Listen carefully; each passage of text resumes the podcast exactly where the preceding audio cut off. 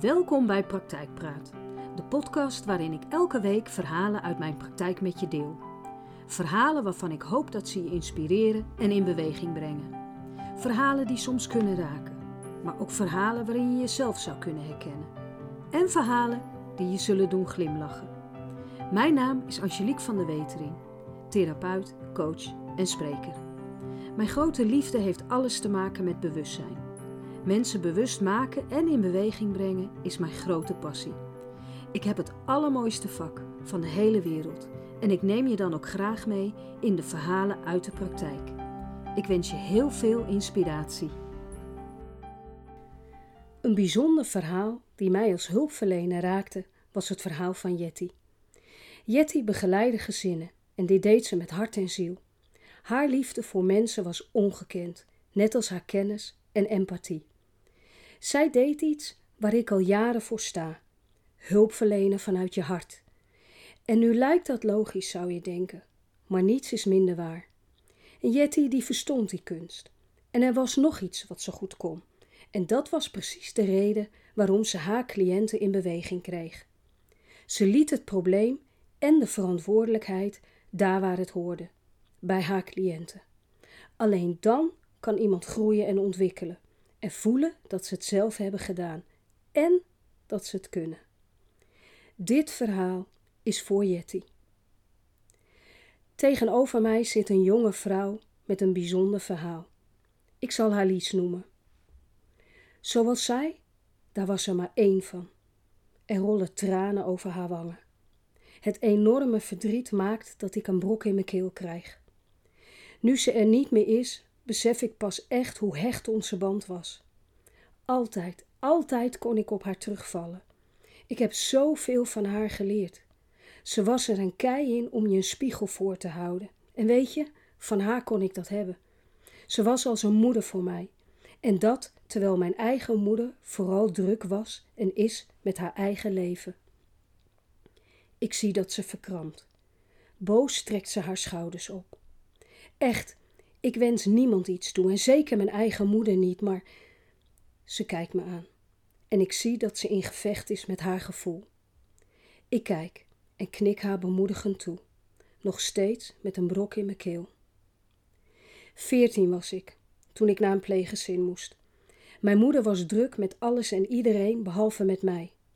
Mijn twee broertjes mochten bij elkaar blijven, omdat ze nog zo jong waren. Nachten heb ik gehuild van de heimwee, ja zelfs naar mijn moeder. Het gezin waar ik in terecht kwam, heeft echt hun best gedaan, maar ze konden me niet bereiken. Boos was ik, verdrietig, en ik sloot me af voor iedereen. En toch was er één iemand die langzaam tot mij door wist te dringen. Dat was Jetty. Jetty was de begeleidster van het gezin. In het begin kwam ze alleen maar bij me zitten. Ze knikte dan vriendelijk en staarde net als ik de andere kant op. Ik weet nog dat ik dat gek vond en dat ik nieuwsgierig werd van haar. Langzaam raakten we aan de praat, waarin ze me alle ruimte gaf. Ze gaf me het gevoel dat mijn boosheid en verdriet er mochten zijn. Ze vertelde zelfs dingen uit haar eigen jeugd, en juist die dingen gaven mij het vertrouwen dat ze mij ook echt snapte. Ze heeft het gezin en mij nog lang begeleid, en dankzij haar kon ik in dit gezin blijven. Ik heb nooit meer mijn plekje kunnen vinden en ging al vroeg in een traject voor begeleid wonen. Jetty is in die tijd op de achtergrond gebleven en we hadden regelmatig contact. En toen zij doorkreeg dat het me te veel werd en ik het leven niet meer zo leuk vond, stond ze op een middag voor mijn deur.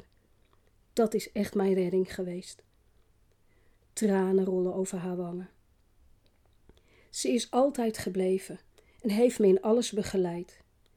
Door haar zit ik nu zelf in de zorg en wil net zo'n hulpverlener worden als zij was. Ze was echt een engel. Haar ogen krijgen een warme glans. En de manier waarop Lies over Jetty vertelt, dat raakt me. En nu ze er niet meer is, lieverd, heeft ze haar vleugels teruggekregen, zeg ik. Ik moet mijn best doen om een traan niet te laten ontsnappen. Lies raakt mijn hand even aan en zegt: Misschien klinkt het gek, maar het doet me goed om te zien dat het je raakt. Juist omdat je als hulpverlener wordt geleerd afstand te houden. Iets dat ik erg lastig vind omdat ik wil werken vanuit mijn hart.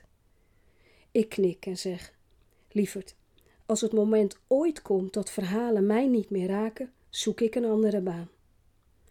Een aantal maanden en EMDR-behandelingen verder is het tijd afscheid te nemen. Ze komt met een bos bloemen en een brede grijns binnen. Ik kan mijn lachen niet inhouden en zeg: Heb je enig idee hoe blij ik hiervan word om je zo te zien na al dat harde werken? Ze geeft me een knuffel en zegt: Ik heb zoveel geleerd. Weet je wat me het meest bij zal blijven? Hoe je me leerde vanuit mijn hart te werken en toch dicht bij mezelf te blijven. Jetty is daar niet meer aan toegekomen, maar ik weet zeker dat ze het me geleerd zou hebben. Ze voelt op mijn rug en zegt: Ik zou zweren dat je vleugels moest hebben. En dat, dat zie ik als een enorm compliment. Ik heb echt het allermooiste vak van de hele wereld. Dit verhaal mocht ik delen om de boodschap die ze duidelijk wilde maken. Verleen hulp vanuit je hart. Altijd. De zorg. Helaas meer een verdienmodel dan een zorgmodel. En daar loopt bijna iedere hulpverlener tegenaan. Maar waar het in de basis om gaat is hoe je hulp verleent. Maar al te vaak heb ik met mijn autistische zoon te maken gehad met hulpverleners die overal een plasje overheen wilden doen. Hoe vaak heb ik niet de vraag gehad: wie zit hier tegenover mij? Moeder of therapeut? Echt, maakt het uit? Gaat het niet om zorg vanuit het hart? Denk je niet dat het heel dom en naïef van mij zou zijn geweest wanneer ik al mijn kennis overboord had gegooid? Ik ben ervan overtuigd, wanneer je zorg verleent vanuit je hart, iemand zich welkom en gezien voelt. Zonder oordeel, wat ik ook wel eens de arrogantie van de hulpverlening noem. Gelukkig ken ik ontzettend veel zorgkanjes, die hun hart laten spreken en zich durven te verbinden zonder zichzelf weg te geven. Echt respect. Verbinding zonder jezelf weg te geven kan wanneer je het probleem daar laat waar het hoort. Het is niet van jou. Het is niet jouw situatie en daarom kun je het ook niet oplossen. Ook ben je er niet verantwoordelijk voor. En wanneer je de verantwoording bij de ander laat, zal de ander daardoor juist sneller in beweging komen.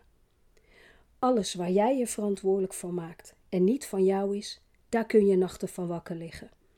Dat is wat veel mensen doen: wakker liggen van dingen die niet van jou zijn en je daarom dus ook niet kunt oplossen. En wanneer je hier een gewoonte van maakt, creëer je een omgeving met mensen die jou nodig hebben. Ze hebben iemand nodig om dingen op te lossen. Zo heb jij nog meer om wakker van te liggen en nog meer om over te piekeren.